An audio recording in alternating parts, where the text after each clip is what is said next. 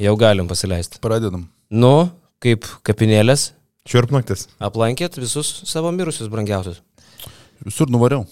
Bet tai, o jūs per abi dienas važiavote ar per vieną viską susitvarkėt? Neįmanoma, mano atveju, žinok, mano ši, visa giminė yra išguldyta per, per visą Lietuvą.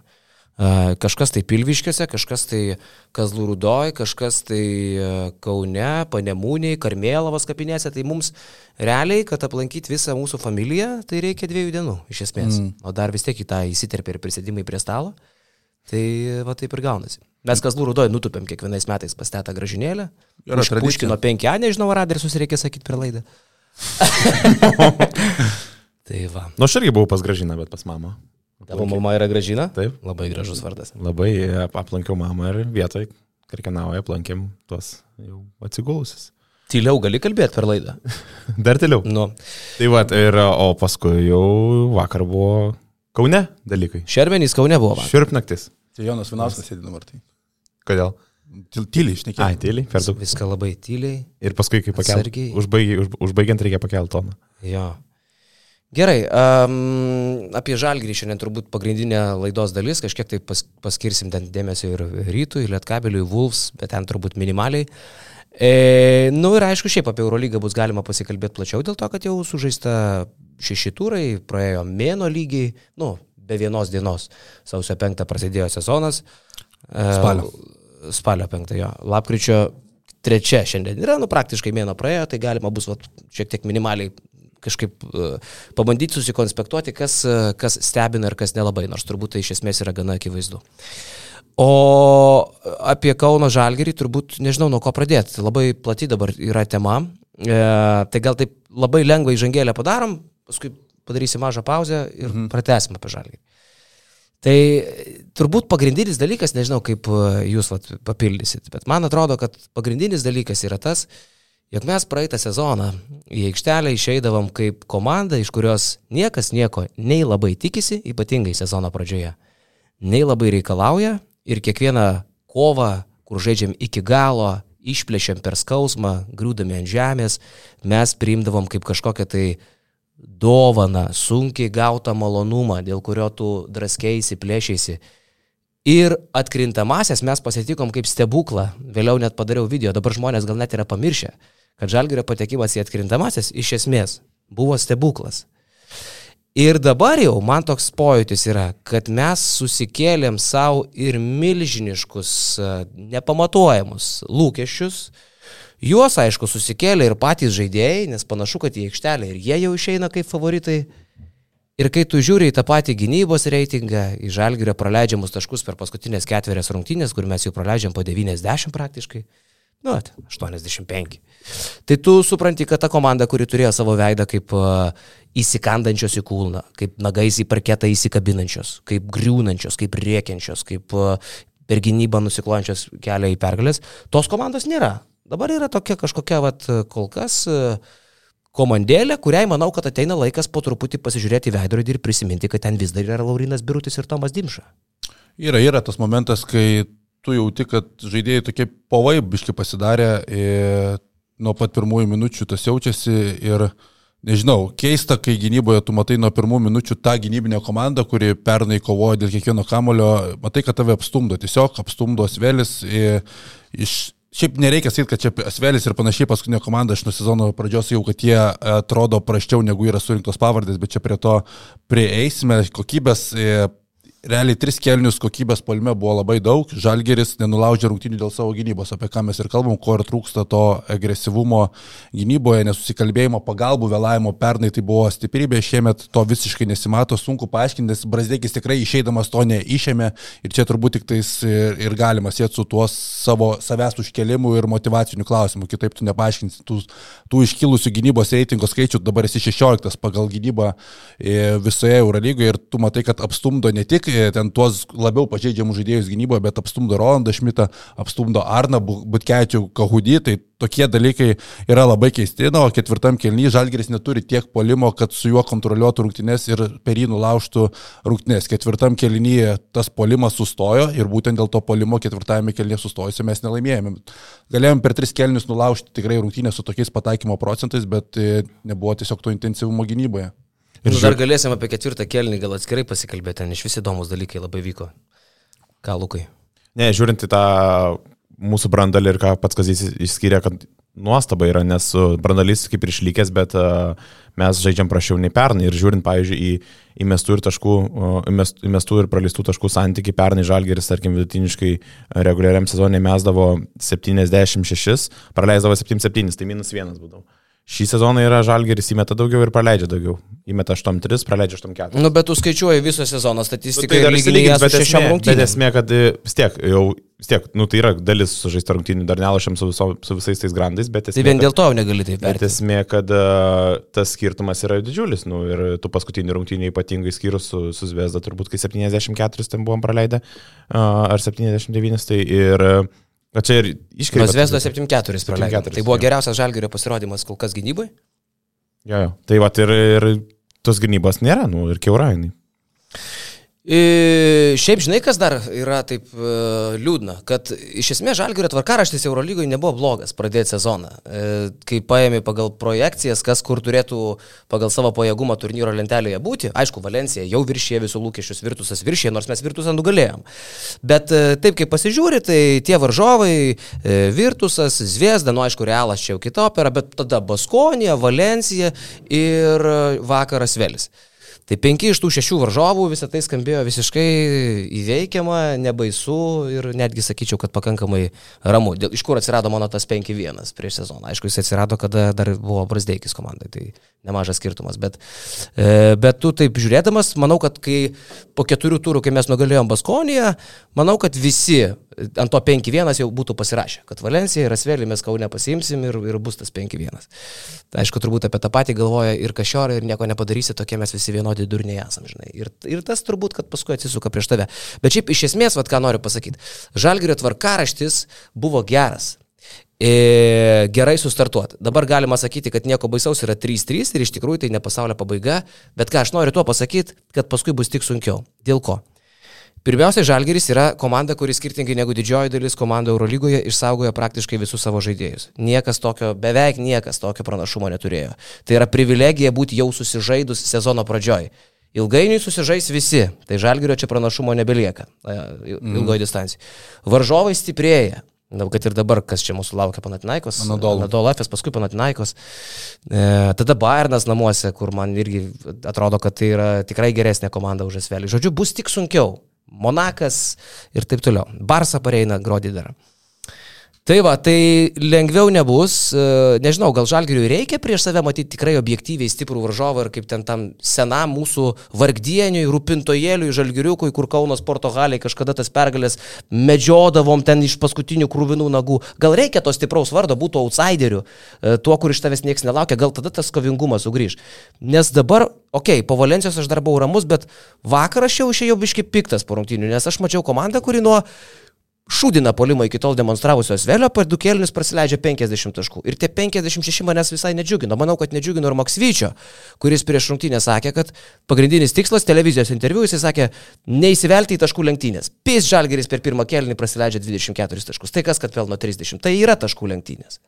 Jo, ir tas praleidimas, koksai tu pasižiūri, man atrodo, Žalgiris tiesiog, jie ne, negali žaisti iš favorito, iš favorito Būtent. vaidmens, kaip jie ateina į tas rungtynes, tai Tai tikrai nepatinka, praėjusią sezoną irgi buvo tokių momentų, aišku, pavykdavo kažkaip išsitraukti, bet prieš tą pačią albą minus 20 tu išsitrauki, bet irgi tu atėjai su favorito statusu ir tu matai, kažkiek vejasi pernai galima atsiminti, kiek žalgeriui sekdavosi rungtinių pabaigas, kaip pavykdavo išsitraukti, bet ant to, ant to pačio vežimo tu visą sezoną vėl neišsitrauks ir vakar tas matėsi, tu prieš tokias komandas kaip Pasvelis, nori, nenori, esi favoritas ir tu turėjai tas rungtynės anksčiau nulaužti, vakar turėjai plus 13 ir turėjai viską susistabdyti, bet toliau žaidėjai taip pat, nenumušinėjai to tempo, e, leidai sugrįžti, aišku, ten atliko gerą įimą ir Poceko Tai pakeitė penketą visą, visas rungtynės, beveik tris kėlinių žaidė su žemu penketu, su Perisulė ir Banando Dekolo aikštelėje, po to išleido Luvavų Kabaro į pirmą poziciją, aukštas penketas, Falas išimtas, Lavernas penktoje pozicijoje ir tai Žalgirį iš karto apsunkino patį polimą, o Svelis kaip užpuldavo, taip daugiau mažiau ir užpuldavo. Tai čia ir po ceko reikia pagirti, bet sakau, prieš tokias komandas tu turi nusilaužinėti rungtynės anksčiau, nes Žalgiris taip žaidžia prieš, būdamas iš underdogų pusės, Žalgiris žaidžia iki ketvirto kėlinio pabaigos. Ir sakau, sakau, praeitą sezoną dažniausiai pavykdavo tas stipresnės komandos nulaužti tik dėl to, kad tu išlikdavai kovoje vis, visas rungtynės. Jo, e, labai dar daug apie Žalgirį noris pasakyti, e, nes turbūt jau čia toks visai m, neišvengiamas akcentas visose laidose, visose podcastuose, vos nepasakiau, šūdlaidėse, nes kartais, kai mes čia tiek malam apie tą patį, man vis tas žodis lenda, bet e, e, gal dar apie investavimą pasišnekam truputį. Pasišnekam. Tokie investuojantys esate žmonės, man atrodo. Ne? Kur čia dėti pinigus reikia? Kur tu laukutis, esi kažkur painvestavęs, biški savo tos. Kol kas e, tik tai į save, į savo turtą, kol kas dar neturiu. Kas tiek, yra į save? Ten, kur gyvenu dabar. Į būtą? Taip, į būtą. Mhm. O pavyzdžiui, nu, gerai, tu... Jeigu atsidėčiau... Tavo pajamos mėnesinės yra apie porą tūkstančių, aš taip įsivaizduoju, ne? Grubiai. Spėjai čia? Na, grubiai per visus galus, kiek įmanoma. Mm, galbūt. Nu va. Tai kiek, kiek tu, pavyzdžiui, savo skiri, savo grožiui, savo ten rūbam, batam? Tau, tu taupaisi, tarkim? Taip, atsidėdu juodai dienai, sakykime. Atsidėdė. Ne? Jeigu nepaslaptis, kiek pavyksta per mėnesį tavo atsidėti? Visą laiką skirtingai, nes skirtingos situacijas būna. Suges automobilis, taip, reikia A. investuoti, nes ten reikia sutvarkyti reikalą. Draudimų mėnesį. Draudimų mėnesį tai na jo. Kartais, dabar draudimų mėnesį. Kartais nustebina pats gyvenimas, ne? Taip, tiesiog nutinka gyvenimas. Ir būna, ta, lieka mažiau atsidėti, bet vis po kažkiek stengiasi, nes reikia. O ką daugiau? Mano, Ta pagalbės, jeigu nesusikursi, kaip daugiau. Mano gintarė turi, nu, aš nupirkau ją, kad jinai išmoktų vairuoti, nes jinai kol kas ką daro, tai tik tai rėda, vairavimo ten nepavadinsi. Tai tokį seną sulūžusi Citroeną C3 Dabar pats pasigailėjau, galvojau, kad, jinai, nu, kad negaila, kad sudaužytų, žinai. Bet kad jinai nevažiuoja tą mašiną. Kiekvieną mėnesį kažkokios netikėtos išlaidos pasirodo, žinai. Tai e, galvoju, kad mano investicija kol kas pagrindinė yra tas grabas. Bet jeigu norit gerų investicijų paieškoti, tai yra Profitus, mūsų platforma, mūsų investavimo platforma, su kuria bendradarbiaujame jau kurį laiką ir profitus e, ne tik tai investavimu, tarp kitko, užsiema, bet ir edukacija, švietimu apie tai, kaip reikia investuoti, kur dėti savo babkės. Bet profitus šiaip jau yra sutelktinio finansavimo lyderė Lietuvoje, kuri uh, labai paprastų būdų kviečia jūs uh, tiesiog savo turimas santaupas sukišti ne į koinę, ne į stalčių, ne į subinę, o į galimybę uždirbti. E, investuoti galite į įvairius projektus, kuriuos rasite interneto platformoje profitus.lt. E, minimali investavimo suma yra 100 eurų. Patys galite pasirinkti, į ką norite investuoti, kokį rizikos laipsnį renkatės, e, palūkanas, kitus kriterijus, na, žodžiu, lokaciją, nekilnojamo turto, nes pagrindė ten į nekilnojamo turtą investuojat. Ir patys pasirenkat, kiek galit savo leisti rizikuoti. Ir kokia suma, ir į kokį projektą. Kas yra gerai, e, jų vidurkis, vidutinė metinė graža siekia daugiau nei 10 procentų. Tai čia jau stipru. Mhm. Neblogai. Nu, kitaip sakant, investuoji tūkstantį, gali tikėtis 1100, bet čia yra aišku vidurkis, tai gali būti ir 5, gali būti ir 15 procentų įvairiai. Žinai, geras variantas tokiu metu, kai pasaulyje neramumai ir tu pasižiūri, kaip visos tos akcijos, akcijų rinkos yra nestabilios jos į, į viršų, į apačią, čia į nekilnojamą turtą tu stabilumą kažkokį turi. Tai vien iš tos pusės būtent šiuo metu atrodo geras variantas paskirstyti savo investicijas. Aš blembaškai debilas nusipirkau bitkoino gabaliuką, kai kainavo, man atrodo, 32. Mhm. O paskui buvo nukritę iki 15, čia dar neseniai. Ir dabar vėl grįžo iki 32. Nu, tai ten tai tas va, nestabilumas tai yra. Tai galvoju, kas bitkoiną nusipirko, kada buvo 15 k, ar net 14. Kam iš vis nesigavo iš to rinkoje? Na, tai dabar vėl 3-2. Tai pavyzdžiui, nusipirkai už 14K ar 15 tuo metu bitkoiną, rizikavai ir dabar vat, vėl 32. Mano klasiokas. Kaip per pusmetį 17 kavalkų uždirbai, jeigu nusipirkai. Mano klasiokas gal 11 dar klasį nusipirko, ten jis kainavo gal apie 1000 ir jis nusipirko jų gal 10. Tai gerai gyvena. Tai pakėlė biškai. Gerai gyvena. Va, o profitus, mm. aišku, gal netokiais piragais ten lyja, bet irgi solid. Uh, tarp kitko, mes turim ir savo kodą basketnews brūkšnelis 25 ir su juo gausi 25 eurų dovaną investavimo pradžiai. Tai tiesiog pasirenkate, į kokį projektą norite investuoti, prieš tai aišku užsiregistruojat, įsidedat bent 100 eurų ir stebit, ar mokotės investavimo pagrindų, o jeigu aišku su didesnėm sumom galite ir e, rebė sumelės pasidaryti. Ir investuotojai nuo 2018 Profitus LT uždirbo jau daugiau nei 7 milijonus eurų. Čia yra investuotojų uždarbis. Tai va, aišku, reikia nepamiršti, kad investavimas visuomet yra susijęs su rizika. Tai ačiū Profitus ir e, tiek turbūt apie juos, apie šitą platformą. O apie Žalgerį, aš gal dar galvoju, mes galim pakalbėti iš visų pusių apie tą ketvirtą kėlinį, žinai, apie kurį tu jau užsiminiai. Mhm. Vis tik tai, e, ar tau netrodo, ar jums netrodo, kad ketvirtas kelinys, e, jeigu jį būtų galima peržaisti, Kazis Maksytis e, darytų, bent jau ką kitaip tikrai darytų, tai Kinanas Evansas sėstų ant suolo. Bent jau ketvirto kelnio pradžiai.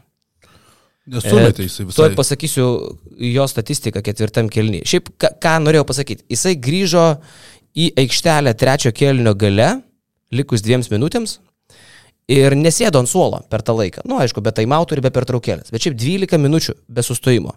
Ir Evanso ketvirto kėlinio skaičiai, aš juos specialiai, ar šiandien ryte tą ketvirtą kėlinį pasižiūrėjau, aš juos išsirašiau. Evanso ketvirto kėlinio skaičiai yra tokie. 0 iš 4 tritaškių, 4 tritaškius prametė, čia vien per ketvirtą kėlinį. Pramestas 2 taškis, 3 pražangos, 2 klaidos, e, rezultatyvus perdavimas ir 2 išprovokuotos pražangos, minus 5 balai. Ir Kinanas Evansas, aš suprantu, kad e, Lekavičių žaidė tada, kai aikšteliai buvo Perisas Ly. E, nu, tokia buvo mhm. Kazio Maksvyčio idėja. Ir viskas tvarkojo, tarp kitko, Lekavičios plius minus yra 17. Tai taip, Geriausias. turint omeny, kad jisai, nu, šis, ten net arcijo nieko nėra. Ta, jis... Heisas gal plus 14, man atrodo. Nu, tai va. Tai tvirtai lyderis pagal plius minus yra Lekavičius. E, ir kada Mitru Longas sėdo trečio kelnio gale, jį pakeitė Evansas.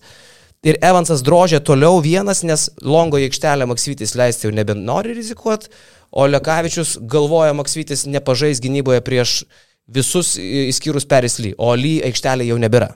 Ir tada nerizikuoja su Lekavičiu Maksytis.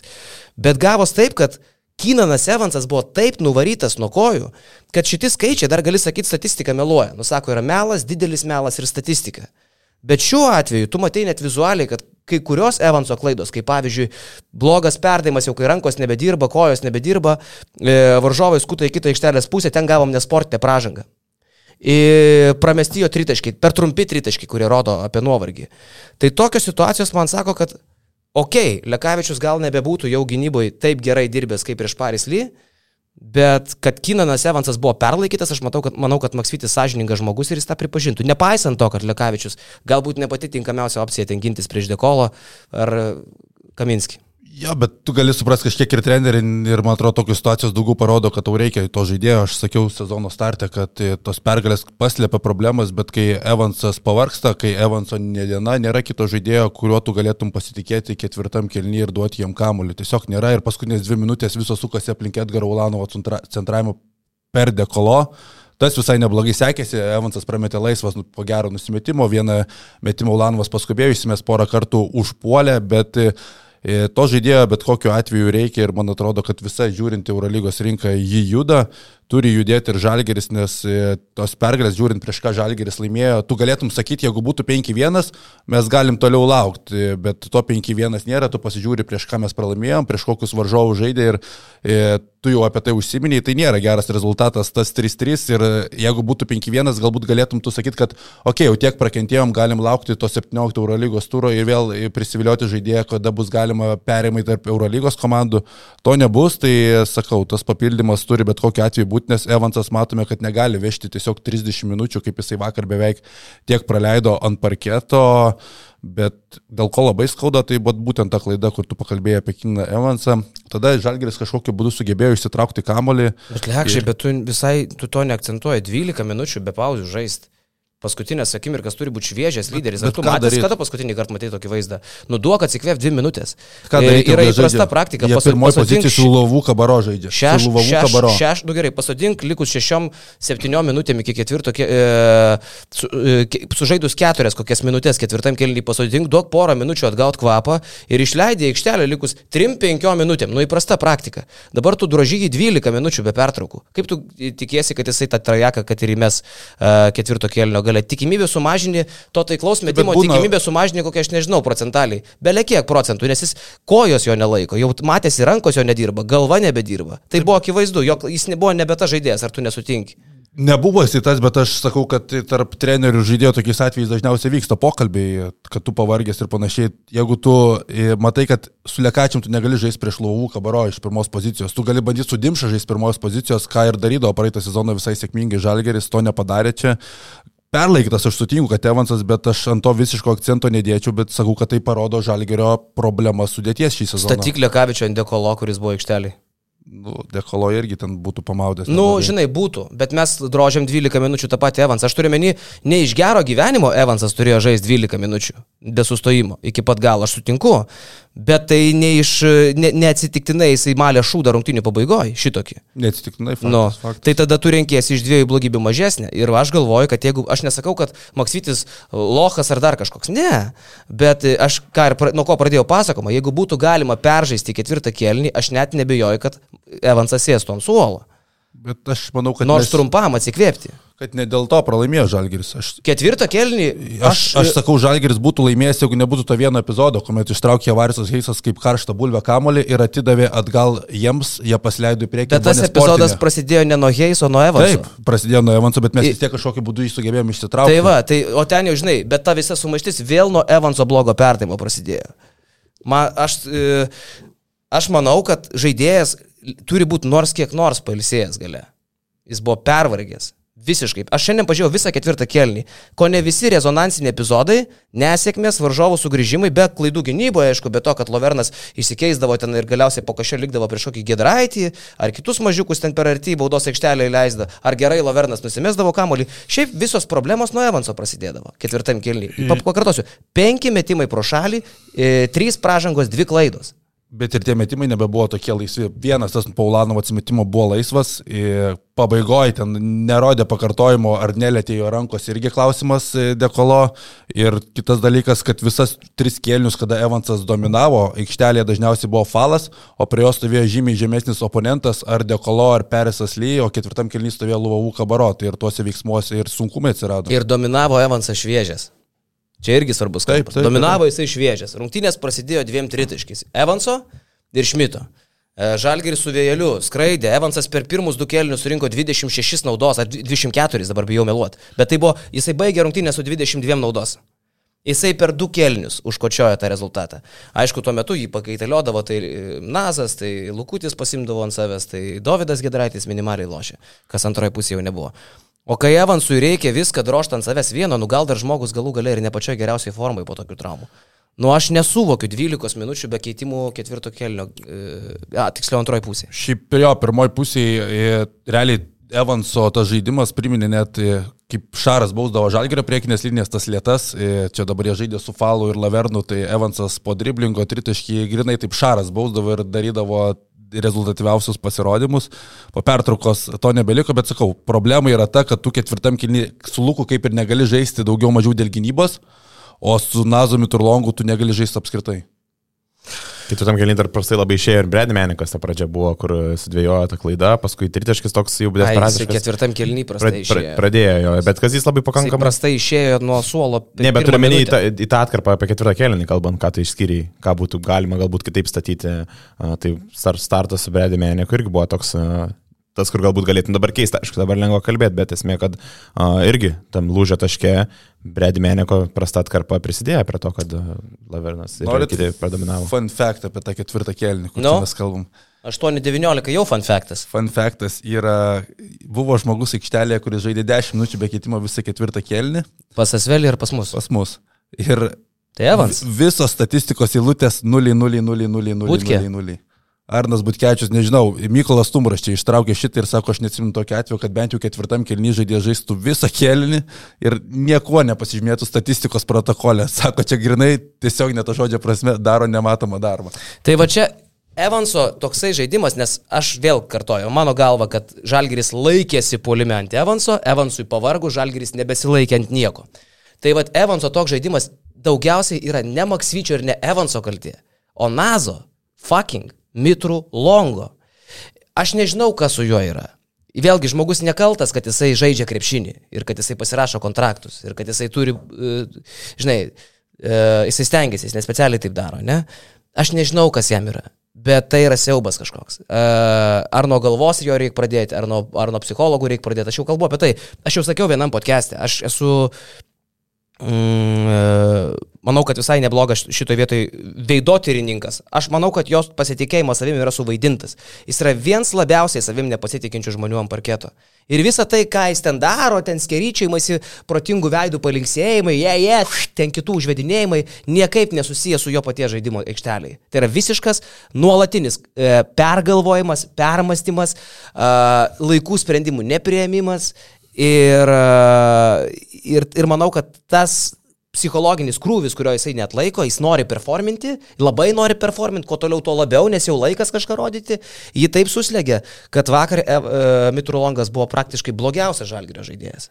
Blogiausias jis buvo ir aš sakau, pradžioj kažkiek buvau ir tikintis ir tas pozityvus e, atsakas iš pats Žalgerio Rūbinės, kaip jisai gerai elgėsi, kaip jisai jaučiasi pirmom dienom, kažkaip nuteikia pozityviai ir galvau, kad čia tas eis ir praeis, įsivažiuos Mitrulongas, bet jau praeitą savaitę jau, kad Mitrulongas nu, negali žaisti žaidėjo pozicijoje, bent jau ne šiuo metu ir kol kas panašu, kad iš viso negali žaisti žaidėjo pozicijoje ir Taip kaip dabar atrodo Žalgeris, nu man sakau, pirmiausia, aš ieškočiau žaidėjo, ne antro, trečio numerio, nes čia yra didžioji problema. Išeina Nazas Miturlongas žaidimas, visiškas bardakas pasidaro. Jo, jo ta frustracija pačiam žalgiai vis didėja, matos vis daugiau nepatenkintų tų veidų ir Šmitas vakar buvo pasipiknęs bent keliais epizodais, kuris bando e, Šmitas užcentruoti laivų kabaro, bet Ulė nusimeta Nazą, Nazas met tritiškai ir tada Šmitas matosi net nebežiūri, kaip Nazas mes ar pataigys, žinai, ir taip toliau, bet jau piktą, piktų veidų grįžta į gynybą, tas pats Menikas, matos frustracijos daug, Kulanovas irgi, žinai, apsižodžiuoja su pačiu Šmitu dėl to minėto epizodo. Paskui ir Butkevičius matas daug tokių visų frustracijos požymių ir akivaizdu, kad nu, tai turi būti, nes e, nuo to ir turi ateitas sugrįžimas, nes tu prasileidai du grajus, būdamas favorito roliai, akivaizdžioj favorito roliai, bent jau mūsų akimis, ir, ir, ir ta frustracija yra didžiulė, ypatingai dabar prieš tą derbį, tos frustracijos reikia, kad komanda kažkas nu, sukrėstų. Dar apie longo skaičius, vat, koks yra įdomu, žinai, pliusų minusų skaičiai yra bulšitas, nes pavyzdžiui, pagal pliusą minusą, pagal tą statistikos rodiklį. Pliusas minusas tai statistikos kategorija, kuri rodo, kiek esant žaidėjų aikštelėje komanda nuėjo arba į pliusą, arba į minusą. Jis žinai, kada gerai, kada yra visą sezoną skaičiai, o ne vienų rungtynių. Tai va, tai bet vakar yra du, du pavyzdžiui, e, momentai, kur pliusas minusas nieko nerodo, tai Butkevičius ir Evanso minus 10 E, nes abu turi po minus 10. Tai Būtkė ir Evansas žaidė visą ketvirtą kelnį be keitimų. Ir yra ponų Meneko ir Longo pliusas minusas, kuris viską rodo. E, Longas žaidė 8 minutės, mažiau už jį žaidė tik Davidas Gedraitis Žalgirį ir Būtka, kuris nežaidė. Mhm. Ir per tas 8 minutės Longas surinko minus 7. Jisai žaidė tuo metu, kai Žalgiris vedė rungtynės. Tai čia yra katastrofa, čia yra labai iškalbinga. Ir Menekas Per 15 minučių Menikas, kuris nebežaidė ketvirto kelnio praktiškai, buvo pasodintas likus uh, sužaidus 2 minutės. Menikas minus 8. Tai reiškia, šitie du žmonės, jiems esant aikštelėje, Žalgeris uh, vakar, net ir būdamas rungtynių valdytoju, net ir kontroliuodamas rungtynės, Žalgeris prie šitų dviejų piliečių ėjo va į tokius minusus.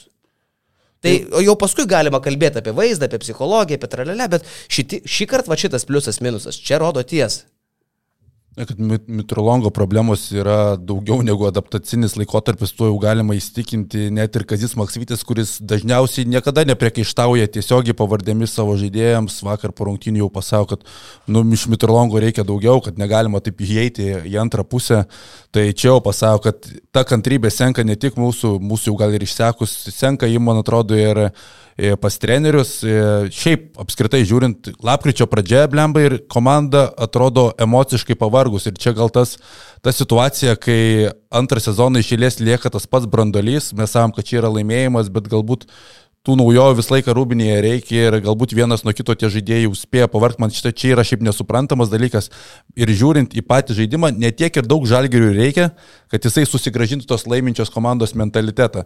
Polimo skaičiai tokių, kokių tu pernai nematėjai ir nebuvo. Polimo potencialas yra milžiniškas, žalgeris turi trečią polimo reitingą, 42 procentai trituškų pataikymas, nu čia yra stulbinantis skaičius, bet reikia susigražinti tą kovingumą gynyboje, tą norą, kuris buvo visą praėjusią sezoną. Šiemet žalgeris jis netoks alkanas, koks jisai buvo pernai, kai jis dar neturėjo jokio pripažinimo. O tas noras negryž, kol negryž paprastas paprastumas. Tai mano to jo reikėjo. pradėti. Paprastas paprastumas, kol me, nes dabar, va, tu sakai, pavargę, žinai, nu, kita vertus, Madrido realas irgi praktiškai visą sudėtį išsaugojo, bet ten mėgaujasi krepšiniu. Aišku, skiriasi situacija, mes tas pergalės išvargdavom ir pavargai kest kančią galbūt, žinai. Mm. Realas visą laiką su vėjeliu ir tas malonumas visai kitokio lygio ten yra. Būt toj pačioj sudėti daug metų, vareva. Bet, e, sakau, mes sakom, favoritai e, prieš Valenciją, favoritai prieš Asvelį. Lemba, mes negalim būti favoritai nei prieš vieną, nei prieš kitą realiai. E, Nei pagal biudžetą, nei pagal ką tik nori. Nu, jeigu tu sudėtis dėliosi vieną prie, prie vieno, nu, tu nematysi ten savo kažkokių mega pranašumų. Tai mes praeitą sezoną taip gyvendami, mes ir eidavom į tas rungtynės kaip į kiekvieną naują mūšį, jokie mes ne favoritai. E, supranti, atsimenu tą sezono pradžią, blemba, ten prieš, prieš Barsas e, gelbėjomės, su Makabės iki galo kapojomės, nuo Albos gaunam Kaune 20, laimim rungtynę, sugrįžtam iš minus 20. Dabar toks, nu, kad ir žiūrėsi į tą pačią sezono pradžią, ne? Ok, mes nugalėjom Virtusą, bet mes grįžom du kartus iš minus 15. Nu, faina, bet taip visą laiką nebus, ne? Mm. Du kart po minus 15 atkarpas buvo. Duobės tiksliau. E, Nuo Zviesdos pradėjom ant e, ketvirtą kėlinį su minus 9. Nu, faina, grįžom, smagu, parodėm tą charakterį. Bet vėl, žinai, ir čia, nu, aišku, blemba. Sakė, mes ketvirtų kėlinių komanda. Kodėl? Kad sužaidėm du ketvirtus kelnius gerus, žinai. O paskui kas buvo ten su Valencija vakarą. Taip, taip, tai Ok, pernai, pernai mes irgi pirmus du mačius e, pralaimėjom pabaigose, bet tada atėjo tos pergalės ir tas pripažinimas prasidėjo, bet, e, sakau, šiemet visai kitas nusiteikimas, šiemet tu per gerai galvoji apie save, o Žalgris negali per gerai galvoti apie save, tiesiog esam tokia komanda, kur tu kiekvienas rungtynės ateini ir turi jausti savyje, kad tu turi kovoti dėl tos pergalės, o ne tiesiog ateini ją pasimti. O Asvėlis, e, Asvėlis iki vakar rungtynių buvo pralaimėjęs 18 kartų išėlės Eurolygoje. Eik tu. Praeitą sezoną užbaigė minus 13, 13 kartų pralaimėjo ir šį sezoną 5 kartus.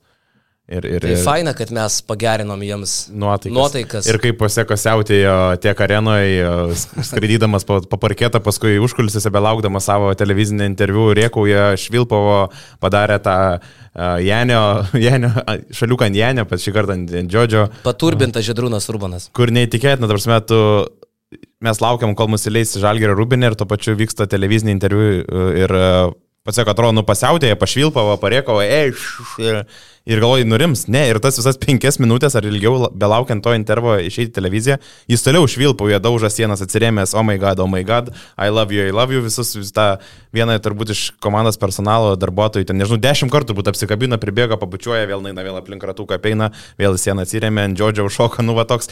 Ir jau galvoju, nu blemba, nu nebėra nuširdin, tikrai jau čia jau. Ai, čia nežinau, kažkoks o gal, gal tai ant, ant tiek neįprasta, kad gal ir nuoširdų. Aš nežinau, žinok. Aš vakar irgi žiūriu, atrodo, nu fake visiškai, bet tada tu galvoji, o gal mes čia sprendžiam pagal save. Mes, mes niūrus, tamsus lietuviai, o čia va ateina toks, nu va toks va žmogelis, žinai. Ir gal jis, nu, žinai, yra toks pasakymas, geriau nenuoširdį ši- šypsena, negu nuoširdus susiraukimas. Amerikiečių posakis toks. Mm.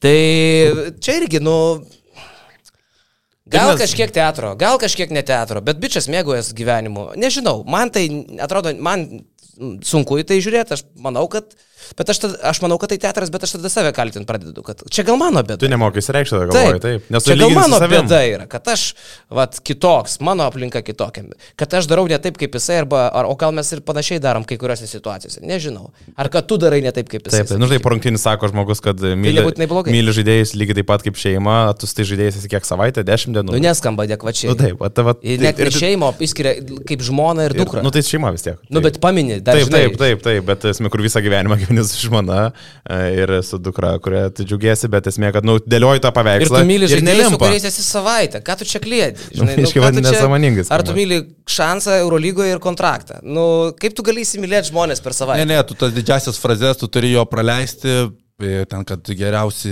geriausia atmosfera vakar jam karjeroje ir panašiai, ten tos frazės tu ten labai rimtai negalim, bet po cekų jis toks yra, aš iškart sakiau, kad... Geriausia atmosfera. Kur? Kaune, jūs juokaujate, tu prasme, poceko meluoja ir neraudonuoja. Tai Bet čia- jis ne apie atmosferą kalbėjo. Jis Geriau paminėjo neįmėjom. atmosferą, žiūrovą ir areną. Ir gal Taip. dėl tos anglų kalbos, žinai, pasiklydė vertime, gaunasi, kad mes sakom, kad jisai pasakė, kad žiūrovai geriausi, bet jis labiausiai, man atrodo, ten areną akcentavo. Bet aš sakiau iš karto, kai po ceko atėjo, kad e, galbūt to ir reikia dabar Asveliui, sakau, ten ten ta komanda, veteranai yra surinkti, jie moka žaisti krepšinį, jiems ten daug taktikų nereikia, patys supranta, kaip žaisti gerą krepšinį, jiems reikėjo ugnelės, ta ugnelė atvažiavo ir tas pasikeitimas iškart matosi kokybės prasme tikrai iš jų pusės labai geros rungtynės. Ir apskritai toksai, sakyčiau, kada aš patikėjau, kad nu, Poceko tikrai nuoširdžiai kalba, tai buvo tas iš karto porungtyninis intervas, kurisai sako, man net ne pergalė šiandien svarbiausia, o tai kokie yra čia žaidėjai surinkti ir kokia yra chemija tarp, tarp žaidėjų. Sako, aš likus dviem minutėm nuo suolo pakėliau perisalį,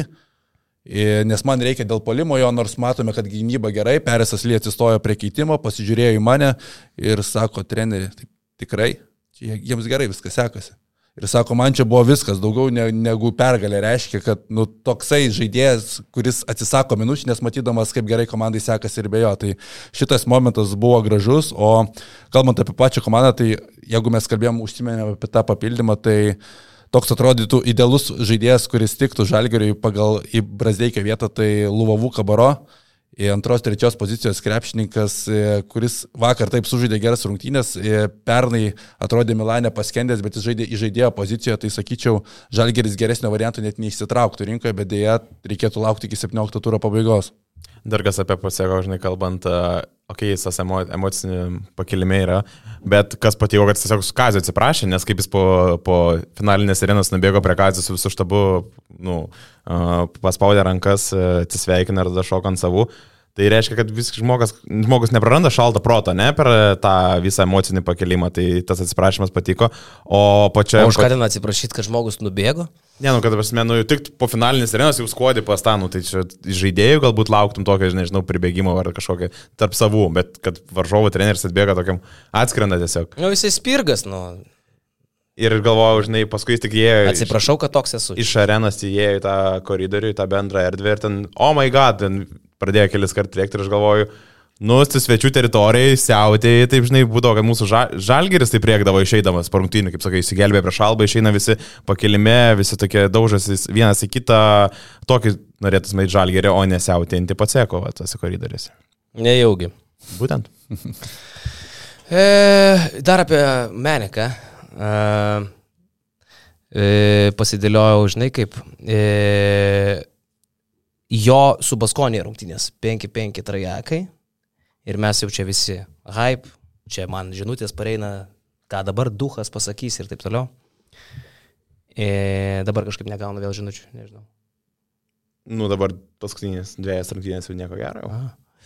E, tai vad, e, po rungtynių su Baskonė, kai sumetė 5-5, iš tikrųjų taip, e, aš pažiūrėjau, jisai per, ar paskutinės rungtynės, įskaitant ir LKL, per 4, 2 iš 11 pataikė. Aišku, tai nereiškia, kad ir nepataikys, faktas, kad, žinai, super sniperis ir jisai pataikys, bet kaip ir prieš sezoną, taip ir dabar. Tritaškiai, tritaškiais, viskas tvarkoja. E, gali būti kosminis, gali būti toks kaip pastaruoju metu, gali būti visoks ir panašu, kad tas žaidėjas dar tuos skausmus pereinamosius į tokį lygį jisai patirs ir Tritaškiai man, ne, man nekelia galvos skausmo Meneko tritaškiai. Kaip ir prieš sezoną, taip ir dabar man kelia Meneko sugebėjimo žaisti šitam lygiai. E, tai ne, prieš sezoną aš tik tai kėliau klausimą e, savo, tyliai, dabar aš jau gal biški garsiau noriu jį pakelti tą klausimą. E, ar jums netrodo, kad e, be tritaškių metimų ir e, ilgų rankų, e, leidžiančių atkovoti, tarkim, kartais daug kamolių kaip prieš Baskonę, bet tai buvo vienas geras grajus. Daugiau Menikas nelabai ką ir turi. Mes matėm jo neblogą ten pacentravimą prieš Dekolo, vienas buvo geras jo epizodas vakar per visas rungtynės. O šiaip mes matom jo drebančias rankas, numetant kamulį, dvi klaidos, nusimetant kamulį, vieną kartą bandant asistą padaryti, kitą kartą dar kažką. Matom laikymą, kam, matom jokingą gynybą, vaikišką gynybą, net sakyčiau, ten kaip progalinė linija ėjo ir jisai nespėja, rankom kažką bando ant nesportinės ribos grabalio dar tą žmogų, žinai. Nu, viskas be jo sugebėjimo genialiai mesti iš trijų taškų zonos, visa kitka, man atrodo, ne Eurolygos lygio. Ir kalkit mane prie kryžius. Jis ir atvyko kaip būti specifinis žaidėjas, žinai. Ir... Jo, bet jeigu tu pataikai trajekus, o kitoje aikštelės pusėje padarai daug žalos, ir per tavo pamainą yra problemos, tai nežinau. Tu turi jį slėpti gynyboje, faktas turi slėpti, bet nebus ten daug tokių žaidėjų kaip Lavernas, kuris žaistų ketvirtoje pozicijoje, tave taip atakuotų. Kitas momentas, Laurinas Birutis pradžioje irgi netrodė kaip Eurolygos lygio žaidėjas ypatingai gynyboje, bet tu kažkiek apsitvarkėjai ir sugebėjai tą pažangą padaryti per pil, pirmą pusę metų, tai, tai vieni iš tos pusės, okei, okay, Birutis dabar stepautina viskas tvarkingai, su juo nebekalbam, kad jis yra visiškas taikinys gynyboje. Nežinau, ar gali tokią pažangą padaryti Menekas, bet kitas dalykas, man tai sakau, jisai jeigu žaidžia aikštėje, ant jo turi būti deriniai jis turi būti naudojamas polimiais, negali tiesiog lakstyti iš gynybos į polimą, nes tada jis yra visiškai nenaudingas. Gynyboje taip, jis yra atakuotinas, o polime, jeigu ant jo nėra žaidžiama, nu, tai iš jo jokios naudos. Bet yra žaidžiama, bet ir varžovai dabar jau laukia, kai jis yra aikšteliai, kai žalgerio arenoje visa publika, o labiausiai triukšmingiausiai sutinkamo žmogus kylantis nuo suolo yra Menekas. Jį. Tai aš visada smagu. Lygiai tą patį žino ir varžovai, kad va, dabar jau reikia šitą žmogų medžiot. Max, Po Baskonijos kol kas net Lietkabelis neleido jam išsimėti trajakų. Tai nebus taip paprasta. Visi jau žino šitą žmogų, čia dabar jau nebepaslėpsi nieko. Bet ir pasi kažkiek desperacijos atsiranda, jis gauna kamolį, kai ant jo žaidžia ir jisai meta, jau nebedvėjoja. Tai aš kalbu apie sprendimą. Ir jis yra, kad galbūt tau reikėtų kada nusimės, bet nusimetimas irgi nepavyks ir atsiranda desperacija, nes tik tą realiai gali pasiūlyti žalį. Aš apie tai ir kalbu. Tai va, ir, ir tiesiog atsiranda dviejonės. Ir aišku, dabar, kai dar arčiau tie varžovai atsiranda, nu, tų klaidų bus vis daugiau. Ypatingai, sakau, vakar ketvirtą kelnio pradžioj tie susipinimai, sudvėjojimai, nu, kaip ir įprasmina tai, ką tu papasakoji. Tai ketvirto kelnio pradžioj ten, žinai, jau jo agonijos pabaiga buvo. Jis pradėjo nu, taip, taip, rungtynės bet... E, vien prastais epizodais, iš esmės. Vien prastais epizodais. Ir, sakau, ne tik tai gynyba, bet jo ir pražangos kvailos. Uh, ir e, nusimetimai prasti, ir tas nervingumas, žinai, atrodytų ramus intravertas. Nieko panašaus. Prametė trajeką, durna e, vienoje aikštelės pusėje, kitoje aikštelės pusėje, numuždamas kamuolį nuo lanko, taip įploja, kad kamuolys išeina iš užšoninės linijos. Tai, tai, yra, irgi, tai yra idiotiškas nervingumas. Aš sakyčiau, kad čia yra didesnis nerimas, turėtų būti ne dėl tos gynybos, kurie aš galvoju kažkiek galima ir paslėpti ir patvarkyti, o dėl jo pačio charakterio, kaip jisai reaguoja į kelis blogesnius sprendimus. Čia Eurolygoje tu negali galvoti kelias atakas atgal, jeigu tu pradedi galvoti kelias atakas atgal, tai pas tave automatiškai ateis blogi sprendimai. Štai ką aš turiu menį, ar jis Eurolygos lygio žaidėjas. Galbūt jisai išmok, žinai, gal, kaip sakai, bus antras birutis, e, nustebins. Lygiai jisai. Ar mes su legionierium tik tai va tiek gaišim laiko? Lygiai, lygiai. Tokios, vis tiek už didesnius pinigus negu birutis, teisingai. Lygiai jisai turi Eurolygos, bet sakau, tu turi savo galvą tvarkytis. Čia ypatingai metikai, gal, jeigu neturi galvos, tu Eurolygų negali žaisti. Aišku, ten jo pinigai paskutiniai vietoje, ten nedidelės tos babkės, bet žinai, žalgiriui Žalgiriui reikia žmonių, Žalgiris negali, neturi prabangos tokius du naujokus, žinai, Meneką ir, ir, ir Longą šitaip sunkiai integruoti į žaidimą, ypatingai kai nebėra brasdeikio, žinai. Uh, gaunas labai negatyvus podcastas šitas, žinai, bet jisai toksai, kaip norit, taip jūs kalbėkit namuose. Pavyzdžiui, mano emocija po vakar yra būtent tokia, žinai, nes e, 18 rungtynių nelaimėjęs Asvelis Eurolygoje, atvažiuoja čia ir laimi prieš mus su visais šitais mūsų rodikliais, skaičiais, apie kuriuos jau apkalbėjom ir žmonėm. Ir man tai yra labai neramu. Aš, aš labai tikiuosi, kad tokie podcastai kaip šitas, nes juos klausosi po kaldrom tie patys žaidėjai ir treneriai, gal truputį nuims tą žalgerio princesės e, e, karūnėlę. Apdainavom jau šitą žalgyrį praeitą sezoną. Viskas fainai buvo. Sukūrėm klipų daug gražių, prikalbėjom, paverkėm, pasidžiaugiam. Bet man noris, kad grįžtų paprastumas elementarus, kur, ant kurio mes ėjom. O ne kažkaip, matai, kad tave apstumdo Valencija ne todėl, kad turi daugiau raumenų, o tiesiog todėl, kad labiau nori. Tai nuo to prasidėjo rungtynės jo. su Valencija. E, vakar gal jau buvo to noro daugiau, bet vis tiek tu matai, kad gynybėlė, kaip sakė Arnas Butkevičius, kartais būnam ir pasyvus. Ką? Kodėl? Kas jūs tokie? Tai vad būtent ir tas labai bus įdomu pamatyti tą reakciją, kuri pasimatys už porą dienų, sekmadienį Vilniuje. Čia jau nebebus tos rungtynės, kur Žalgiris Alkelio gali sužaisti 10 minučių ir laimėti.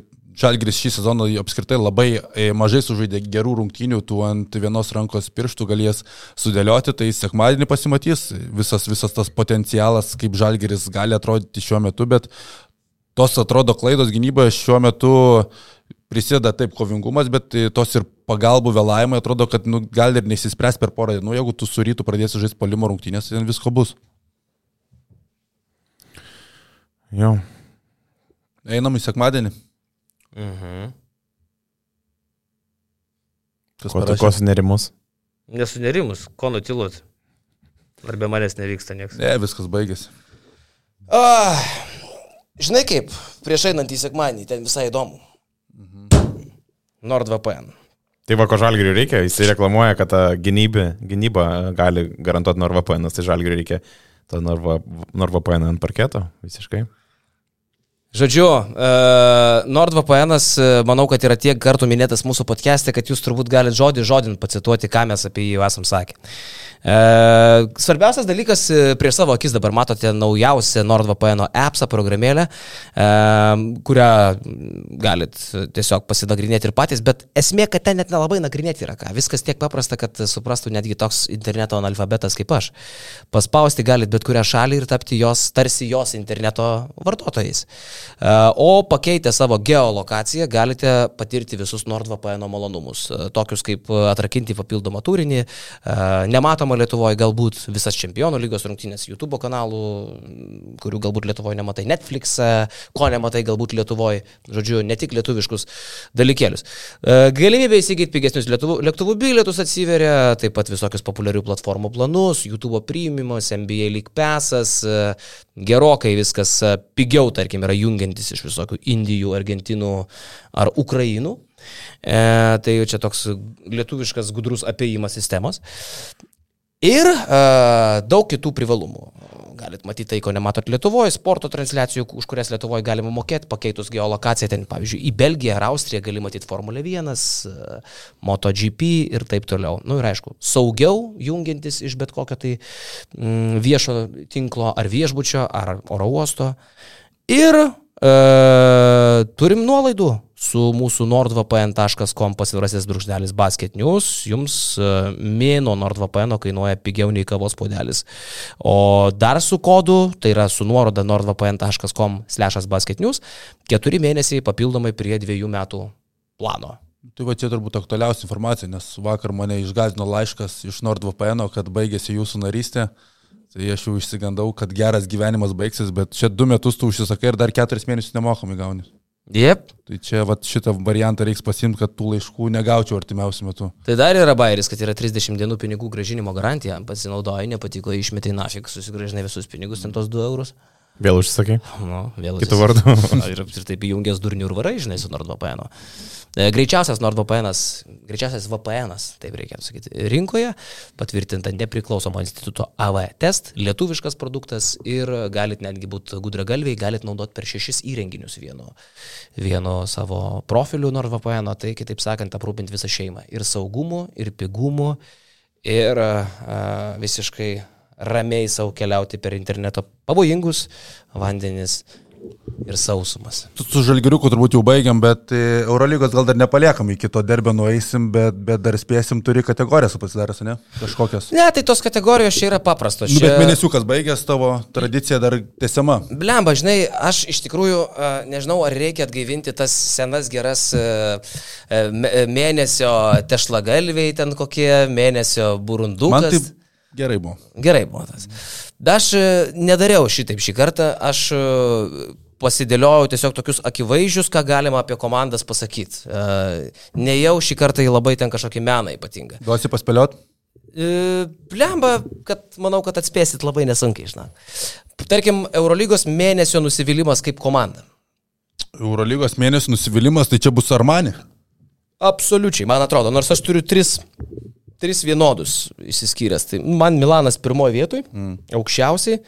Šalia Milano, nes Milanas turi vieną penkis e, ir be pergalės prieš Olimpijakos, tose baisiose rungtynėse šiam 5-53, daugiau Milanas nieko nelaimėjo per šešias rungtynės. Efesas dar. Bet šalia yra Efesas ir Olimpijakosas.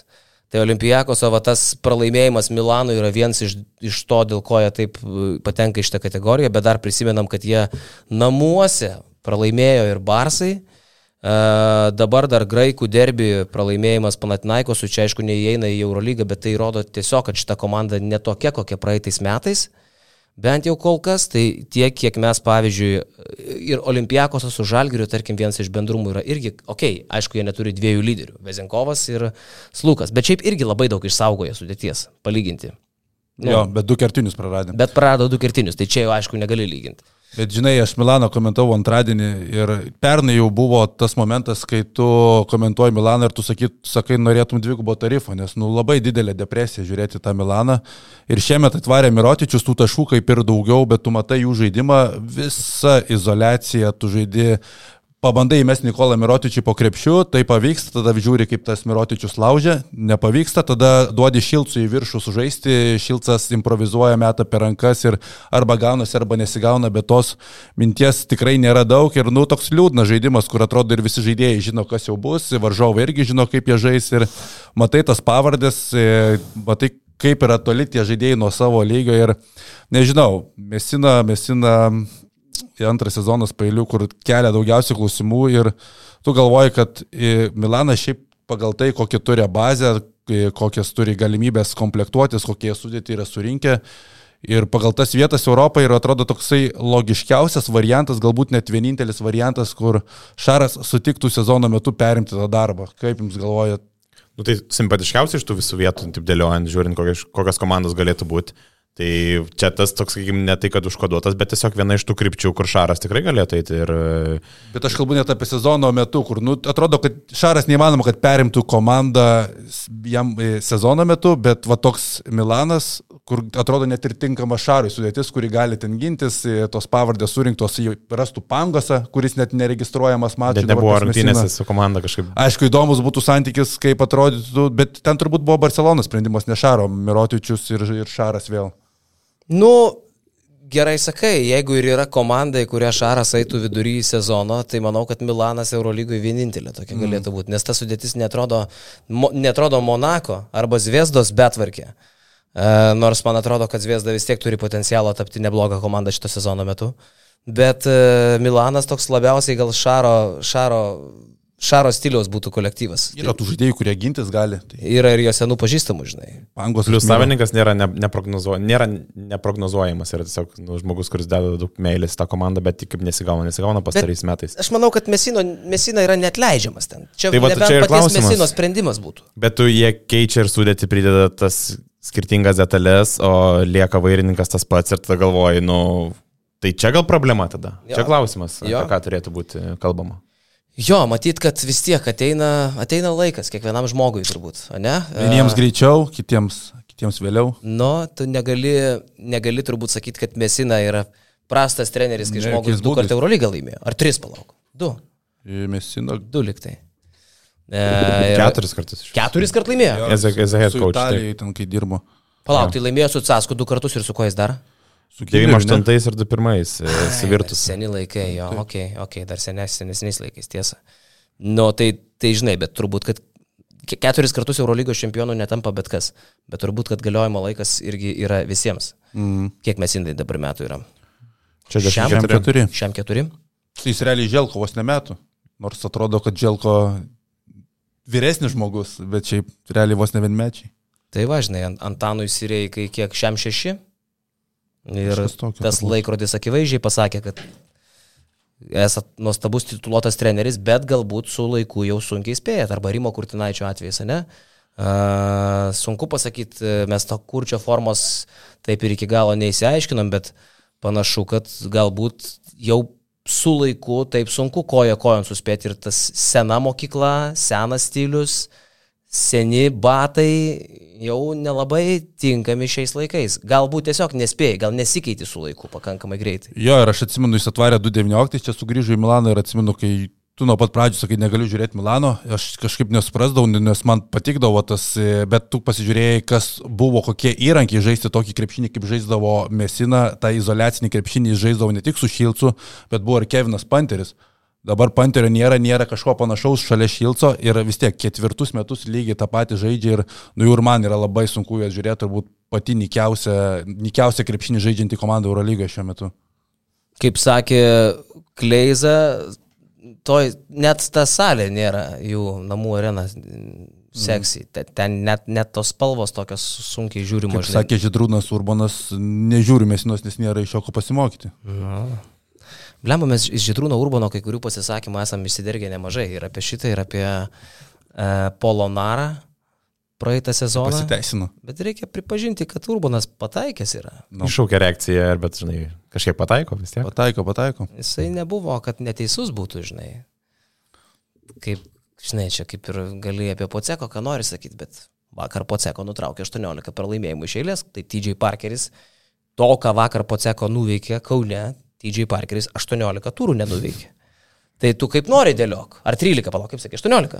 Yeah, 13 ar 18? Buvo 8-13 iki to, po pergalės prieš Fenerbakčią pernai, tai jo, tai baigė 6-26. Tai 18 buvo pralaimėjimų iš eilės, taip, ne? taip, 5 šį sezoną ir praeitą. Sa, nuo sausio nebuvo laimėjęs taip. TG Parkeris Eurolygoje. Beveik metai praėjo, žinai. Nu. Tai... Ir turbūt nebelaimės. Sausį paskutinė karjeros pergalė TG Parkerio Eurolygoje. Aišku, labai įdomu, kiek Poceko važiuos su šitu, žinai. Gal, nežinau, kiek jis ten neatsibos. Bet e, čia, žinai, e, Asvelis, Asvelis, o Milanas turbūt jo didžiausias nusivylimas. Potencialas iš tų trijų komandų - Milanas, Efesas ir Oli. Man, jeigu Oli nepasipildys, e, nu kažko jie dar gal pasipildys, nežinau. Bet man vis tiek žiūrint, atrodo, kad Efeso didžiausias yra potencialas. Nežinau, turbūt pirmiausiai potencialas pakeisti trenerį, mm. nes aš nemanau, kad Džanas gali ilgai važiuoti, jeigu tie rezultatai negerės. Šiandieną jie žaidžia. Spaudimas Turkijoje iškilęs, kiek pasižiūri Twitter'e atsiverti, tai Džaną atleidinėja kas antras turkas. Tai ir šiandien jie lošia išvykoj su Virtusu. Tai, okei, okay, Virtusas on fire, keturios pergalės iš eilės, bet niekas ten nekreips dėmesio, kiek ten tas virtusas turi pergalių iš eilės. Efesas yra Efesas, jų biudžetas didesnis, jų žaidėjai geresni ir jie žaidžia kraupiai, kol kas 2-3, jeigu šiandien bus 2-4. Nenustepčiau, kad Džanui gali būti parodytos duris. Jie ir Turkijoje nežyba, ne? Gavo 20 taškų savaitgalį nuo Galtasarajos. Labą dieną. Tai čia yra... Čia yra ir Zvezdono Mitrovičiaus Galtasarajos. Ir tu vis tiek turi Klaiburną, Bob, Bobuą, Larkiną ir Thompsoną tu vis tiek turi super žvaigždės. Tu negali taip žaisti. Klaibornas be kamulio žaidžias, po top shooteris tiesiog į kampą pastatytas, nu tai tokie ir vidurkiai. Jo. Uh, tai e, mėnesio nusivylimas buvo čia, o mėnesio netikėtumas, nu to mėnesio tai skaičiuojant nuo spalio 5, kai prasidėjo iki realiai vakarą, nes šiandien dar turas, mes nematysim kai kurių komandų. Uh, šitame sąraše, nes nu, tiesiog dar šiandien kai kurios žaidžia. Bet mėnesio netikėtumas yra mano trys komandos, aišku, tarp jų yra Virtusas, aišku, yra Barcelona, bet mano pirmas numeris vis dėlto yra Valencija. Norėjau skaityti Valenciją. Nu taip, 5-1 pradėti. Niekas nesitikėjo, kur tu dėjai reitingę. Šitą aš, aš dėjau apie... 14, 15. 14, jo, kažkas tokio. 14 gal kažkas jo, tokio buvo. Mm. Ir tu dar kai pasižiūri, su kuo jie lošia, uh, namie uh, Monakas, namie Feneris, namie Makabis. Tai yra trys potencialiai uh, nemažos dalies iš ankstiniuose vertinimuose top 8 komandos. Ok, namie, bet visus tris pasiemiai. Tada, aišku, išvykoju Alba, išvykoju Žalgiriukas, sunešiojo. Namie su Alba lošia. E, Alba, atsiprašau, jo išvyko Žalgiriukas ir išvyko Efesas, tai vienintelis pralaimėjimas, bet tik keturiais taškais, nu ir vis tiek tu supranti, kad Efeso potencialas toks, kad tu, tai net ir taip stringantis Efesas vis dėlto yra topinė komanda, žinai, pagal sudėti bent jau. Tai Valencija ten praleido, buvo vienintelė prasta diena, bet dabar yra 1-5, tiksliau 5-1. 5-1. Nu ir man čia yra absoliutus netikėtumas, nežinau. Valencija turbūt į pirmą nusubalonė, bet, tai sakau, praeitą savaitę parodė tok, tokios rungtynės buvo, kad e, priminė tą mačą Žalgirio beviltiškumą prieš varžovą, kai po rungtynių su Berlyno Alba Kaune Jūrės Dovtas pasakė apie Berlyno Alba, kad tai yra mums per moderni ir šio laikiška komanda. Tai Valencija praeitą savaitę taip atrodė prieš Žalgirį. Jo. Uh, Barsa antroje vietoje, nežinau, man gal dalintųsi net pirmą vietą pagal mano tokias, aišku, labiau gal tokias uh, paremtas ne, neapykanta pačiai Barsai prognozės, kur aš sakiau, kad jie ten striks ir, ir, ir į playoffus neišeis. Dabar aišku, akivaizdu, kad tai yra gerokai ne į temą, bet uh, pakalbam faktai, žinai. Pergalė prieš Bayerną 40 taškų. Mm. Prieš tikrai seksy sudėties Bayerną. Tai kokia juoda diena bebūtų 40 taškų Euro lygui laimėti 9859, 39. Nu yra belekas.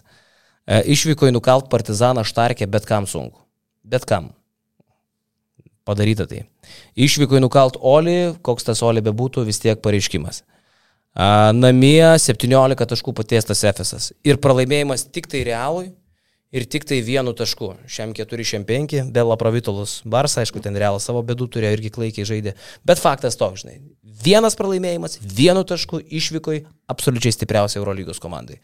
Nu, Barsa, manau, kad yra šokeris. Šiandien su Panatinaiko žaidžia, gali būti 5-1. Taip, taip, kad nustebino tai faktas, bet kiek jie važiuos, tai irgi čia bus, nusakau, daug kas lygina tas situacijas, kai atėjo Šileris po Šaro, dabar Grimau lygina, kad atėjo po Šaro. Įdomu, kiek, kiek važiuoja tuo senų bagažų, kiek yra to, tų naujovių ir Žalgeris tada pradėjo griūti antroje sezono pusėje, kai visos komandos išsilygino, visos komandos apsitrinė su brandoliais. Tai Baras, aš sakau, vertinsiu po viso reguliaraus sezono, kol kas nenoriu aš jų labai šlovinti, bet sezono startas, kokius jie varžovus nugali, tai tikrai yra tas toksai netikėtumas. Taip, čia, čia labai svarbu ir pastebėti, kad tu dar nieko negali vertinti taip absoliučiai. Nei Virtuso čia kaip labai kažkokios mega komandos, nei Valencijos, nei tos pačios Barsos. Bet vat, kadangi tai dominacija yra mėnesio, nu tai, tai sakykime, taip, taip yra. O Virtusas e, po to, kai Žalgeris juos e, patėsi Bolonijoje, toj salytai senoj, vėliau nepralaimėjo ir šiandien gali iškovoti penktą pergalę ir išlikti uh, Uh, antroji vietoje su dar keliom komandom. Palai dar toj salytį irgi šiandien žaidžia. Man atrodo. Man atrodo, tai modernioji. Jau persikėlė. Nes jau naujas menoje. Tai ir... Nu, Sakė, gal net porą mėnesių gali trukti toj paladozoje žaisti. Iš pradžių buvo kalba apie lapkritį tik tai, kad kol bus konferencija toj modernioji mhm. arenai. Tai, tai va, tai ir Virtusas po Žalgerio sumalė išvyko į Monaką, Asvelį palaužė, e, pasigavo dar Zviesdą namuose, kas irgi rimta yra, ir Alba aišku. Tai ką tu gali pasakyti bankiui ir... E, ir skariolo? Ne, šitas į salo. Mm. Nu, nieko. Tai yra, tai yra wow. Tuo pačiu paėmė FSA gali nuimti ir Erdemą. Ir visai realu. Jeigu FSO. Lemba ir vėl. Tai va, šia, šiandien aš, tai, aš taip pat ir, galvoju, kad šiandien vėl, galėtų būti FSO trenerio pabaiga. Tai Žalgeris žais kitą savaitę septintą turą ir tai būtų trečias varžovas, kuris ką tik pakeitęs trenerį. Jo, čia. Virtusas. Kampas dabar Asvelis ir tada Nadolo Efes ateina. Tik klausimas, ar jie turi kažką. Bet pavyzdžiui, į tokį Efesą. Trinkerį. O kodėl Dešaras, pavyzdžiui? Aš norėjau sakyti irgi jo, mes Šarą irgi labai, labai stipri komanda, jiems tiesiog reikia galbūt gero trenerio. Nu, įdomu, bet čia turbūt Šaroje Nadol neveiktų, ne faktorius. Jo, tas, ar, veiktų. ar yra ta priešistorė? Trumpai lošia Šaras Fenerį. Po naujų metų iš ryto tada išėjo jisai. Trumpai lošia ir nebuvo jis ten jau labai geras tuo metu nueinantis žaidėjas, po to jis iš Venerio tiesiai į Žalgirį išėjo, ne Šaras? Berots, jo, jo. Ar dar į Barceloną buvo sugrįžęs? Į, į Barsą buvo grįžęs. Ar buvo grįžęs? Mhm. Iš Barsos į Žalgirį grįžo, jo. Jo. Feneris, Panatnaikos, Barsas, Žalgiris. Dar į Panatnaikos išėjo su Barsu. Ai, dar į Panatnaikos, ok. Tai va, tai, tai, tai sakyčiau, kad netikėtumas numeris vienas Valencija, nusivylimas numeris vienas Milanas. Uh, Ir dar tokia išsiskyriau, vat, pačios kiečiausios rungtynės, bet čia galvoju, čia visiems bus įdomu, mėnesio wow rungtynės. E, čia visiems turbūt skirtingai, aš norėjau, kad mes rinktumėmės iš tų, kurias matėm. Bet čia kur toptelį į galvą, kur be ypatingo pasiruošimo neieškant, nes jeigu tu ieškai, tai reiškia, čia tau nieko neįstrigo. Mhm. Bet kur top į galvą. Nu tai aišku, man pagrindinis yra virtus žalgeris, bet čia turbūt tas atvejis, kur ne todėl, kad, virt, kad žalgeris žaidė. O todėl, kad tai buvo Eurolygos rekordas. Du kartus iš minus 15, man atrodo, kad niekas nėra prisikėlęs Eurolygoje. Nėra, man. Tik tai buvo kalbėta apie jo. tai. Man jeigu ne Žalgiris, tai būtų Panatnaikos Olimpiakos ir e, Grigonio. Ta gera atkarpa, tie tritaškai, kaip jisai buvo užsivedęs ir buvo gera matyti. Man tas kažkaip, kai tu pasakėjai iškart, kas atminti, tai iškart šitas. Kur, bet gavo Panatnaikos. Jo, jo, gavo. O Be žalgerio man dar Zviesda su Partizanu. Mano šitas turbūt toksai, kur ryškiausiai... Saus spalį. Mm, ryškiausias atminty, žinai, kur iš karto po trenerio pakeitimo. Uh, tas toksai irgi viena pusė sugrįžimas, kita pusė sugrįžimas, e, atrodo su neįmanoma, neįmanoma penketų sugrįžti tas rungtynės, tai turbūt iš tos, jeigu reiktų vieną, tu galėtum prasėti tas visas per gal tvarkaraštės užžaitas rungtynės, turbūt surastum įdomesnį mačą, bet o dabar tu paklaustum, sakyčiau, tas Belgrado derbis. Matai, bet tas wow dar ir dėl atmosferos ten. Ten, ten yra atmosfera wow, nors sako, kad štarkė būna ir dar geriau, nežinau, bet uh, vien tai, kad tai yra Belgrado derbis, tai jau yra visiškai Eurolygos pošmena, žinai. Mm. Ir uh, tas permainingumas tų rungtynių, uh, Gytis Vilius švilpė, man atrodo, ne? Taip. Štarkė. Uh, kad pradeda vos net ten 10-0 partizanas, paskui Zviesda kontroliuoja visas rungtynės. Tada gale Avramovičius pataiko nesuvokiamą tritaškį, bučiuoja į petį Teodosičių, tiesiog tyčiojasi iš serbiškos legendos, žinai, kitas serbas. Ir visas tas toks šau, spektaklis, tos prametamos Teo baudos, e, Šabazo apsišykimas irgi net, net, nedamesta bauda iš akivaizdž, akivaizdžios jau, nežinau, baimės, mm įtampos. Nu, tas tikras spektaklis ten buvo. Tai galvočiau, kad E, dramos prasme gal net Zviesda Partizan lenkia Virtus Žalgeris, bet Virtus Žalgeris tiesiog Eurolygos rekordas pasiektas. Tai man čia vis dėlto turbūt yra numeris vienas rungtynės. Net jeigu ten būtų lošę kitos komandos ir aš būčiau be Žalgerio, bet aš būčiau jas matęs, žinai. Dar tu prisideda, kad buvai vietoj. Šiaip iš to, ką apkalbėjome, atrodo, kad buvo įspūdingas menuot, vien tų rungtynių, ne, mes čia įsiskyrė visų nuomonės realiai. Nu, aš manau, Panatnaikos Olimpijakos, jūsų mm. virtus. No. Tai atrodo, kad, nu, geras, geras buvo startas bent jau Eurolygos. Tai va, šią savaitę rytą su Žalgiriu, e, sekmadienį, ką mastot? Šiaip bus ir daug reikalų, nes e, turbūt ir Žalgerios ir gali bus rekordinės skaičius, virš 800, važiuos į ESG. Ir Čia rekordinis? Aš manau, kad bus rekordinis. Neskaitant Berlyną, Müncheno neskaitant. Turiu minį LKL. LKL. O München... Kažkaip mažokai neskamba, kai arena talpina 10 tūkstančių. Bet tų, tokių aktyvių vieno GVB čia bus apie 800 organizuoto. Aš nemaniau, kad GVB yra 800 tai jie susirinks. Aš manau, kad ir Vilniui yra, jeigu kooperuojasi ten su dalė, dalim ir galiu. Ok, geras. Tai, va, tai šitas bus ir aišku, B tribūnas turėtų būti nemažai. Tai bus, turėtų vien atmosferos prasme turėtų būti geras mačas, o, o, o aikštelė irgi, nu, nu, abi komandos pralaimėjo savo rungtynės Europos fronte. Žalgeris skaudžiai, labai skaudžiai, ne, rytas irgi pačioj pabaigoje. Kas rytų yra toje to čempionų lygoje, aš niekaip nesuprantu. Atrodo, nuvažiuoja į kažkokias tai skylės. Nu, pa, patro prometėjai, pusė velnio komandėlė, nu tikrai rytas objektyviai stipresnė. Mm. Ir Dižonas yra silpnesnis už rytą, manau. Bet va tie to čempionų lygoje išvykose, ar jie pavarksta tose kelionėse, bet čia ne pirmo sezono dalykas. Nužaidžia tose skylėse, atrodo, tos arenos net nesižiūri, tai ir galiai ten nesižiūri, niekas nesižiūri. Nu tikrai galvoju rytas ir kaip organizacija, ir kaip komanda stipresnė. Bumper sprandą Dižonė prastai pradėjo, e, su Prometėjum prastai baigė.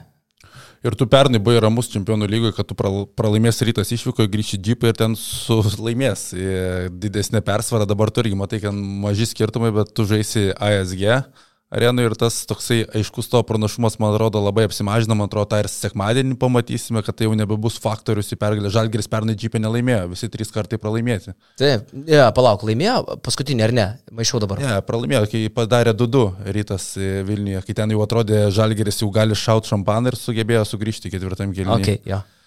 Tai, nu, man atrodo, kad tie pralaimėjimai čempionų lygoje, kai šešios rungtynės tik tais pirmame etape, aišku, tau yra Ramūnės tavo grupė, yra Opava, tai ten Opava, tu ant 30 taškų laimėsi. Tiek... Prometėjus Opava 50 nugalėjo. Nu, tai ten ir išvykų ir namie turbūt mažiau 30 nebus rezultato, tai tu bet kokiu atveju trečią vietą paimsi, bet tada tau reikia žaisti tas įkrintamasias, kur nežinai, kaip baigsis. Taip, kad sakau, tie rytui du pralaimėjimai, pernai jie taip pat pradėjo, išlipo. Bet pernai reikia prisiminti, kad su Lenovo žaidė tą tokį, kai Lenovo nieko nebe, nebelėmė tas, tas, tos rungtynės ir ten jau tiesiog jie pasėmė, nes ir atidavė, galima sakyti kažkiek. Man tik sakau, įdomus labai faktas, aš čia biški rinkausi savo tekstui apie intrigas tą savaitgalio, tai kad e, Kazio Maksvyčio pergalė prieš rytą Vilniuje paskutinė buvo prieš penkerius metus, 2018 lapkritį trys pralaimėjimai su Žalgiriu ir trys pralaimėjimai su Neptūnu. Paskutiniai, paskutinė pergalė su Neptūnu 2.18 lapkritį, tai penkeri metai, kas jis iš Vilniaus autobuse važiuoja liūdnas. Ha, geras. Jo. Aha. Nu, e, vis tiek Žalgeris turbūt ten daugiau nei aiškus favoritas, nors LKL e Žalgeris pastaruoju metu turėjo bėdų. Su pasvaliu Kaune buvo bėdų, su Nevėžiu Kedainiuose buvo bėdų, Su Lietkabeliu Kaune buvo bėdų. Mm. Su Mažiekiais, man atrodo, buvo dar dviženklis. Su Mažiekiais, su mažiekiais buvo bėdų. deficitas ketvirtam kelnyje. Taip, Lietuvos krepšinio lygoje mes dabar jau keturias paminėjom, kur Žalgris turėjo bėdų, kur reikėjo pasikapot. Sužaistos septynės rungtynės, tai Žalgeris neturėjo bėdų jokių, tai pirmose rungtynėse su garždais, tada Klaipėdai ten buvo visiškas absoliutus pažeminimas, teoriškai šeimininkų praktiškai nelabai, nes, nu, Klaipėdai rungtynės vyksta. E, su Jonava lengviau Kaune, Ir su Utena nepasakysi, kad buvo labai lengva išvykai. 10 taškų pusėmė žalgeris. Nebuvo. Tai jau penkios rungtynės, kur taip reikėjo pakovoti. Rytas yra stipriausia, nebijotinai LKL komanda iš tų, su kuriais žalgeris lošia. Tai čia bus labai įdomu. Ir plus, Plus, aš taip galvoju, kad ryto motivacija, nu, nemaža ASG arenui parodyti, kad jie gali irgi žaisti taip pat sėkmingai kaip džipė, žinai? Sau, sau parodyti pirmiausiai. Dar priklausys, ar Ehodas galės e, žaisti, nes dabar tik tai trumpą atkarpą, su, kelias atkarpas sužaidė su patrais. Gyčia Radzevičius trūksta, va, kai tu išskyri, kas yra rytoj, trūksta jų, jo to rankų gynyboje, to aktyvumo, ką jis gali pasiūlyti nuo savęs, nes dabar tas patikimiausias uh, gynėjas yra Margo, o, o trūksta to antro žaidėjo, kuris lipdytų ir būtų tą grandim tarp gynėjų ir polėjų. Ir žinai, tos rungtynės, rungtynėm tu čia nenuprognozuosi, kai baigsis. Man tai įdomiausias momentas, kaip atrodys visas tas organizuotas palaikymas, perėjus iš džipo į ASG ir ar jausis ta didybė, kai fanai nesėda, atsistoja, kažkaip aš galvoju, kad tas dydis arenos gali truputį išmušti šito ir mes galim to nebepajausti. Ne, čia to nebus. Čia ir neišvengiamai nebus. Kėdės. Kėdės, kur yra paminkštinimai. Mm patogios kėdės, kur yra apvalkalai, ar tu paimsi Žalgirio areną ar ASG. Ir žmonių kiekis padėjo, kurie jos, nėra įpratę prie to. Taip, jos priverčia tave elgtis žymiai kultūringiau.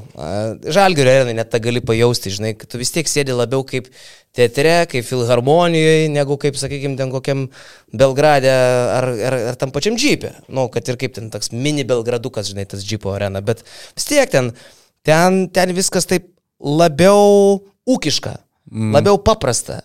Uh, o kur modernu, tave automatiškai, arba didelės erdvės, to pačiu tave automatiškai jau priverčia būti tokiu ir tvarkingu žiūrovu, kas yra labai nuobodu, bet taip tiesiog yra. Ja. Ir dėliai masė atsiranda vis tiek tų grupelių, kur kažkam dar nemalonai save išreikšti, ne, surėkti, sušaukti, nusikeikti galų gale, o tam džipė atsifiltruoja ta žmonių grupė, kuri yra nu, pasiruošę švesti. Nu, bus, bus labai įdomu. Man dar labai įdomu, pažiūrėjau, Džestinas Goramas pratęs savo tritiškius salves, žinai. Mm. Uh, plus, turint omeny, kad ir Breidimenė, kur reikia šiek tiek padirbėti su Džestinu Goremone. Uh, Bičias pataikė paskutinės LKL rungtynėse 8 tritaškius iš 8. Ir pratęsė čempionų lygų irgi tas 3 iš 3. 3 iš 3. 11 iš 11 dabar paskutinės dvi rungtynės. Ja. Čia yra rimta. Uh, Plius jisai geras žaidėjas ir gynybui kaip atsvara Šmitui, kaip sakyčiau, jeigu pernai Šmitas pradžioje galėjo dominuoti iki Goromo atvykimo, tada atvyko Goromas ir ta finalo serija jau buvo sunki Latvijai, tai man atrodo, kad Goromas yra labai geri tiek lygiai rytų žaidžiant už žalgirį ypatingai. Tai va, sekmadienis aktyvus.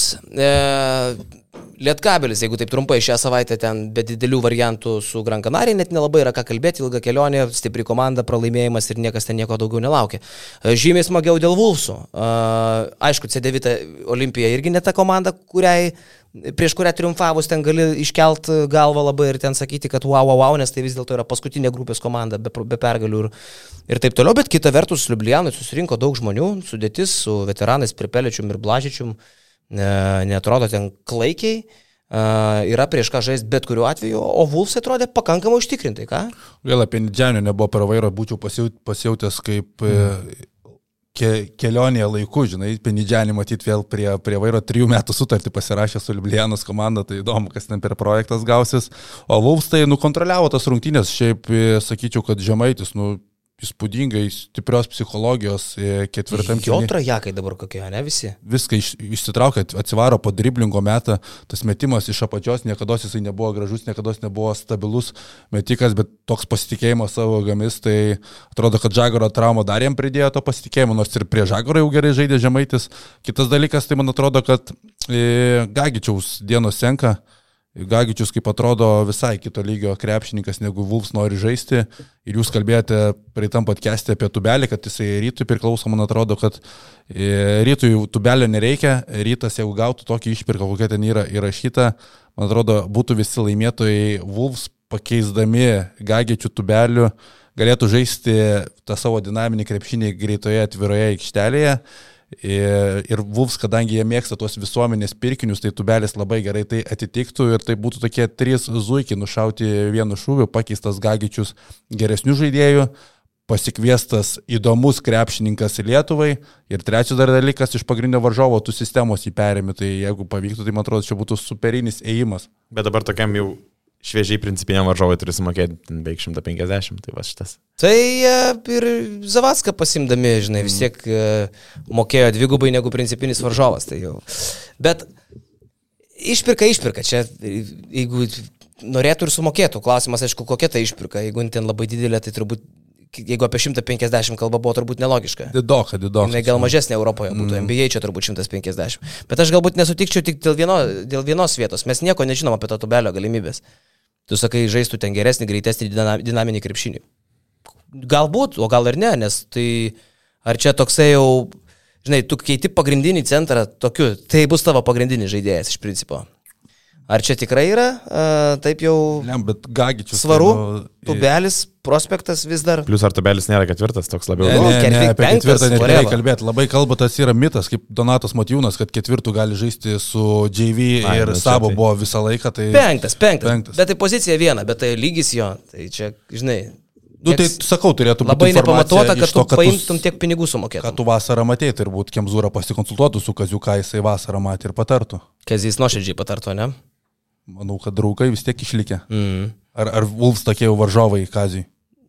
Nu, blemba. Ilgoje perspektyvoje tu kaip gali bus žinot? sezone. Manau, kad čia, žinai, dar dėl tubelio, manau, kad pakonsultuotų draugiškai. Jo. Tai va, tai tokia savaitėlė, žiūrim sekmadienio reikalus, a, turbūt labai neliūdim, bet manau, kad esminė šito podcast'o mintis, bent jau ką ir iš jūsų išgirdau ir ką pats pasakiau, vis dėlto, aišku, buvo akcentas žalgeris ir pagrindinė turbūt idėja yra ta, kad a, reikia grįžti į tą paprastumą tokį ir savęs vertinimą ne iš favorito pozicijos, žinai. Sakau, labai greitai pasimiršo vis dėlto, kad mes praeitą sezoną, žalgeris praeitą sezoną padarė stebuklą Ir dabar jau padarius stebuklą, kadangi tas užsimiršo, atrodo, kad top 8 komanda turi žaisti kaip top 8 komanda. Nevelina, čia nei pernai, nei šiemet nėra top 8 komanda. Pernai pavyko sukurti pasaką. Tai tą reikia prisiminti, va čia pagrindinis niuansas. Nes dabar mes žaidžiam kaip top 8 komanda. Ir mus kalbė Kaune, Asvelis ir Valencija. Jo, ir dabar, žinai, Tomas Dimša tampa lyderiu ir mes čia kaip normalu, čia mes turim Tomas Dimša, turim pernai, kas buvo Tomas Dimša. Taip. Tas ir skirtumas. Tai va, tai... Nes vis, visų lūkesčių augo tik su tom pergalėm, mes tas kai kurias žaidėjus buvom taip kaip skeptiškiau žiūrėjom, o paskui viskas augo, tie lūkesčiai nes sezono pabaigoje užaugino tos sparnus, mums irgi žiūrėti juos. Jo. Tai va, tai jeigu uh, būsim paprastesni ir būtų dar brasdėkis, būtų 5-1. Baigim.